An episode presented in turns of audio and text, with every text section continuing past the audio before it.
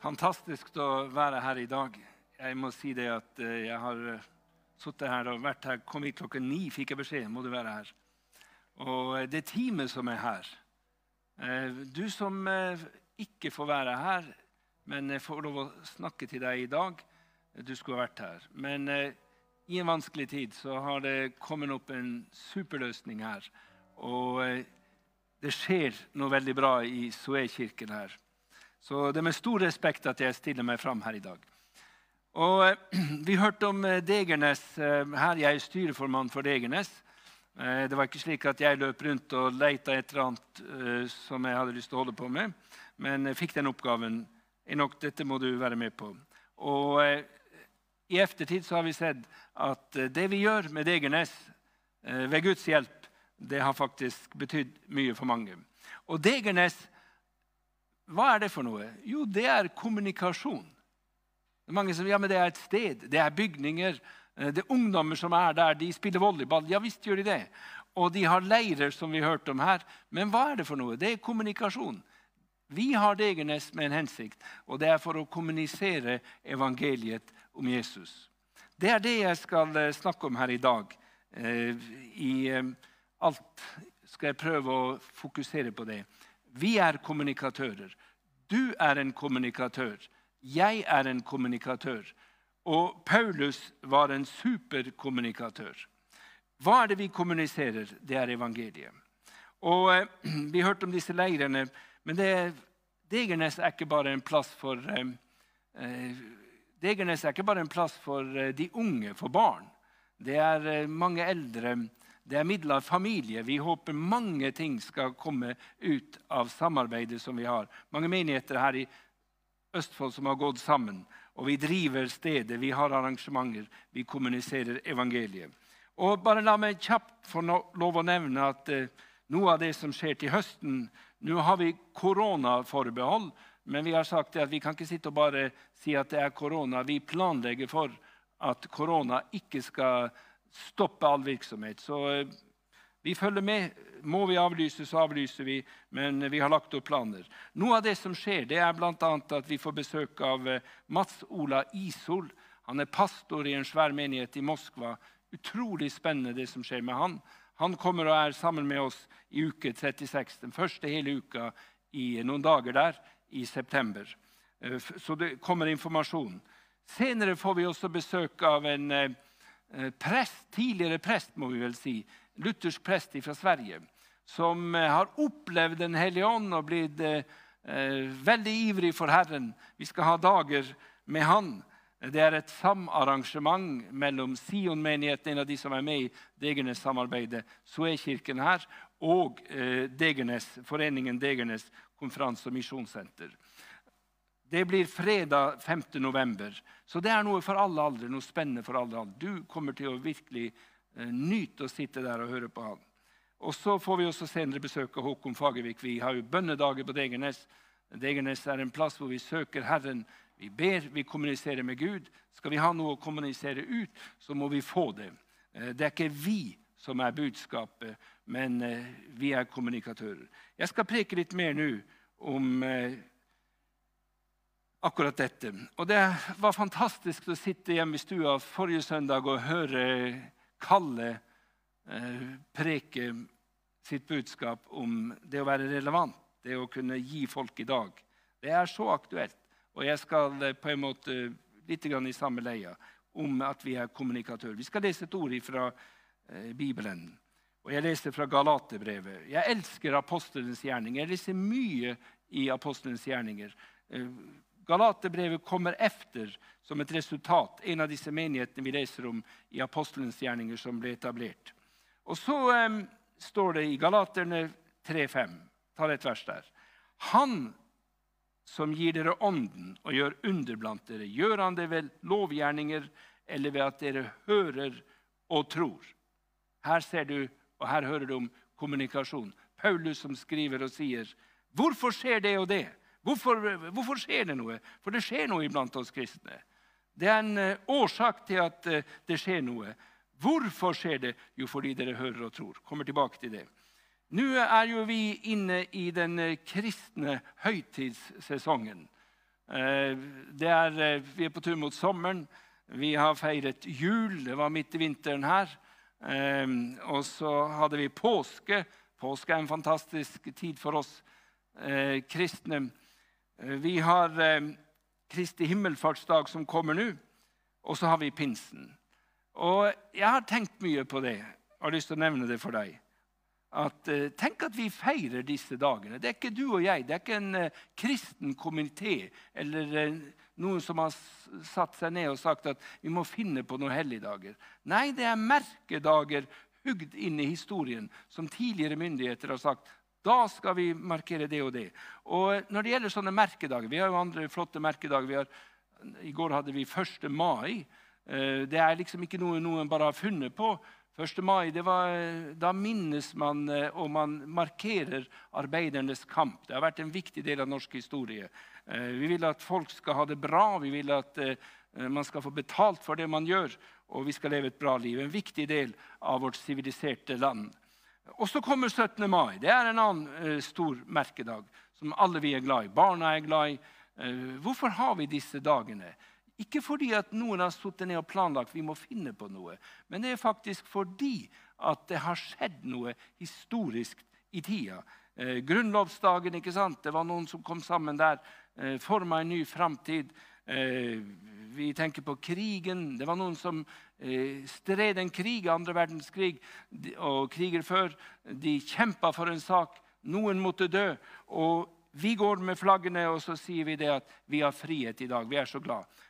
Jeg vil si det at det er actiondager, dager av aksjon. Det har skjedd noe. Din bryllupsdag er ikke noe du bare har planlagt. Eh, jeg må finne på noe romantisk. Nei, det var faktisk slik at du fant en, og så gifta dere dere. Og så ble det en årlig dag.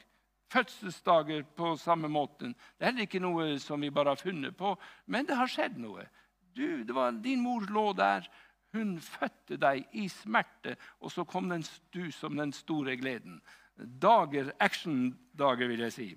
Og Det er det vi ser tilbake til. Og Tenk på det, da. For eksempel, Nå kommer først Kristi himmelfartsdag. Ja, Det fins vel mange i dag i Norge som går rundt og sier det at eh, ja, Hva er dette for noe? Det er en, heldigvis en rød dag vi kan bruke til et eller annet. Men eh, tenk på hva den dagen egentlig markerer. Hvorfor har vi Kristi himmelfartsdag? Jo, det er faktisk bestemt at vi skal minnes det at Jesus Kristus sto opp ifra de døde, og så reiste han til himmelen. Noen kaller den dagen sånn skøyeraktig for himmelspretten, har jeg hørt. Ok, la de gjøre det.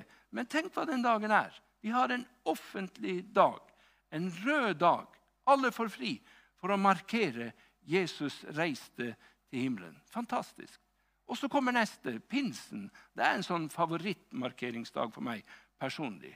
Eh, nå er jo vi på en måte pinsevenner, eh, så ikke fordi at liksom, eh, vi spesielt eh, det, det, er kanskje en av de høytidene vi gjør, som vi gjør minst ut av.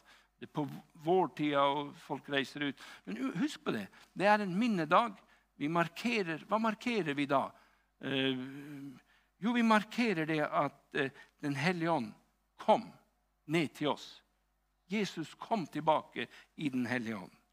Og tenk på det. Hvem er hovedpersonen i alle disse offentlige minnedagene? Jeg håper ingen klarer å rydde de ut av kalenderen. Jo, det er Jesus Kristus. Det var Jesus som kom, Guds sønn. Julen, vi feirer han. Vi markerer han. Vi markerer at han døde på korset. Det er hovedpersonen. Det er Jesus Kristus. Og så er det Jesus som dro til himmelen. Og så kommer han tilbake i Den hellige ånd. Fantastisk. Hvordan har disse dagene skrevet seg sånn inn sterkt i vår vestlige historie? Jo, pga. kommunikasjon. Pga. Paulus, de første kristne, Peter, den første menighet. De ble forfulgt, vet vi, ut ifra historien, i 300 år. Over 300 år. 340 år. Så eh, Cæsar disse eh, keiserne kjempa imot. Mange måtte faktisk eh, ta veien opp på disse stadionene hvor det var folkeforlystelse, og man ble sendt til løvene. Men, og man sa hvis du, ikke, hvis du velger å ikke bekjenne dette navnet, så skal du slippe løvene. Nei, de valgte ikke det. De valgte heller å gå denne tunge veien. Dette gikk over mange år. 300 år.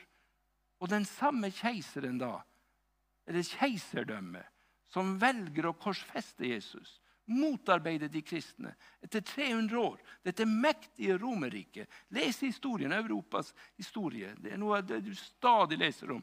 Det er Romerriket, hvordan det var. Ting som ble formet under der. Og etter 300 år, midt på 300-tallet ca., så velger dette keiserdømmet og sier det at vi vil heller da, vi gir opp denne kampen, vi blir en kristen nasjon. Og på den måten, gjennom historien, så har myndighetene satt disse dagene, viktige dager. Det har vært med å forme vår sivilisasjon her i disse mektige vestlige landene. Tenk på USA. De som reiste over og forma nasjonen USA, en av de mektigste eh, nasjonene vi har. Eh, så har dette vært med og satt seg inn og man feirer disse dagene. Hvorfor? Keiseren i Rom, dette keiserdømmet, Romerriket, det brukte sverd, trussel, tortur. Og man kriga. Alle disse folkevandringene som har vært gjennom historien. Det var krig, man kunne, og så ga man seg. Og så ble man underkua, og så måtte man tjene under disse. Sånn har eh, tingene utvikla seg. Men dette har aldri vært Eh, Jesu Kristi vei. Nei, Paulus han kommuniserte et annet budskap. Og Paulus vet vi, han eh, har sterk opplevelse med Jesus. Han er en forfølger. Eh, tenk på det. Han er en for, forfølger av Jesus. Og så kommer han eh, en dag på denne veien hvor han er og skal forfølge flere. Så har han en opplevelse. Og Du har sikkert hørt om det, du har lest det. Og han oppfordrer et personlig møte med Jesus. Det blir en kommunikasjon. Hans eh, reisefølge skjønner at det skjer noe. Plutselig så ser han ingenting. Og de, Det står det i apostlenes gjerninger at eh, de hørte og de skjønte at noe skjedde, men de forsto ikke hva som skjedde. Og midt i dette så taler Jesus rett til Paulus, og det forvandler livet hans. Og han går i mørket i en vanskelig situasjon, søker ly i et rom i Damaskus. Og Der er det en disippel som hører fra himmelen og går og bringer et budskap til Paulus. Og, forteller han hva Gud skal bruke han til. Og Det blir et møte med himmelen for Paulus. Senere så leser vi om Paulus. Da er han i Antiokia, i menigheten i Antiokia. Da er han i en gudstjeneste hva er gudstjeneste? Det var en liten gruppe. De var ikke mange. Sånn som vi er nå her, vi har vært en liten gruppe her i dag. Men eh, de var en liten gruppe. En av de som var der, han var fostersønnen til Herodes. Så han var pleiesønn til Herodes. Han vokste opp og, og spiste sikkert flott mat, eh, hadde fine serveringer, men så mye rart antagelig. Og så var det nevnes det en del andre. Det var noen som var sammen. Og de hadde gudstjeneste. De var ikke en svær flokk av mennesker, men en liten gruppe. Og så sier Bibelen, apostlenes gjerninger, eh, så taler Den hellige ånd. De hører ifra himmelen. Himmelen kommuniserer sterkt inntil dem og sier, 'Send ut Paulus og Barnabas for meg.' Og så drar de av gårde på den første misjonsreisen. Og Når de da reiser på denne reisen, her, så er det en reise som har satt seg inn i historien. Eh, de er ikke mange som drar av gårde. De reiser i Lille Asia, Eh, eh, mange fra Norge har reist ned der til disse kystbyene. Tyrkia på ferie, men de reiser for å kommunisere evangeliet. Først til Kypros. Så kommer de til Kypros. Og når de til, skal reise videre, kommer de på la oss si, fergeleiet Pafos og skal reise over til fastlandet Tyrkia, så er de en stund der og kommuniserer evangeliet. Og det vi leser i apostlenes gjerninger, det er at guvernøren plutselig hører at de er der. Og han fatter interesse. Så han, han sender bud på Paulus. Og det er noe veldig Det kan du lese stadig om Paulus. Han hadde en attraksjon med seg. Han, de sendte bud på han. Så her sitter han plutselig i et middagsselskap hos guvernøren i byen, som var eh, plassert der av de romerske myndighetene. Og eh, Han sitter der og så sier Bibelen da guvernøren så det som skjedde, ble han helt overveldet av Herrens lære og kom til tro. Det var et kjennetegn. Paulus hadde noe med seg.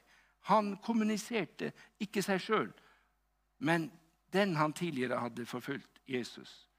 Og guvernøren tok imot troen. Så reiser vi på denne turen og kommer videre til eh, et område som er fullstendig på en måte opp, eh, eh, skal vi si, gresk mytologi. Her var det Sevs og Hermes, disse greske gudene. De hadde tempelet for dem. Paulus og Barnamas kommer dit. Og så leser vi eh, Apostelgjerningen 14,11. Folkemassen, altså folka som kom, som hørte, så hva Paulus hadde gjort. Det var nemlig slik at I et møte der så taler Paulus Guds ord, taler om Jesus. Og Da er det slik at eh, han plutselig sier til en der mann Han sier at han har fått tro. Han har hørt, han har fått tro. Reis deg! Mannen var lam, han hadde aldri kunnet gå. Og Så reiser han seg, og så blir han helbreda. Det var ikke Paulus som helbreda han, men det var han som han kommuniserte, som var med ham på, på, på veien. Jesus Kristus. Og rørte ved denne mannen. Han ble helbreda. Og da står det folkemassen så hva Paulus hadde gjort, og satt i og rope på lykanonisk. Gudene er blitt som mennesker og kommet til oss. Hva var det Paulus makta å formidle og kommunisere? Jo, det var den levende guden. Guden i himmelen. Eh, den virkelige guden som hadde skapt alt. Og Da ble det en voldsom reaksjon. Man kommer og man skal ofre til Paulus. Man sier om Paulus at han må jo være Hermes, og eh, Barabas må være Sevs. Og Paulus klarer å stoppe dem og si at nei, vi er ikke noen uh, guder. Vi forkynner Han som er den virkelige guden. Kommuniserer om Han. Og Så leser vi synagogen i Antiokia uh, ved Pisidia, eller i Pisidia. Det var et region der. Lenger opp imot. Hvis vi tenker Ankara, ikke fullt så høyt oppe i det området der. Ankara er jo hovedstaden i Tyrkia. Så går de inn i eh, synagogen. Det var ikke noe forhåndsarrangementer med svære teatre som sto og venta på dem. Så de gjorde, I den byen gjorde de det slik, men vel, gjerne gikk de i en synagoge. Så går de inn der og så setter de seg ned. Eh, bare sitter i salen. Og synagogeforstanderen han, etter at skriftlesninga har skjedd, så peker han på de og sier dere fremmede der, har dere lyst til å komme og si noe. Og da tar Paulus anledningen. Han blir invitert til å komme og si noe i synagogen. Og Da leser vi det at han forteller de.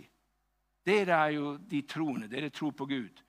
Vi kommuniserer Jesus. Og så forteller han og forkynner. Du kan lese det i, i det 14. kapittelet, hvordan han legger enkelt ut en enkel forkynnelse om Jesus. Forteller hvem Jesus er. Jesus kom, han eh, ga sitt liv, og han er Guds sønn.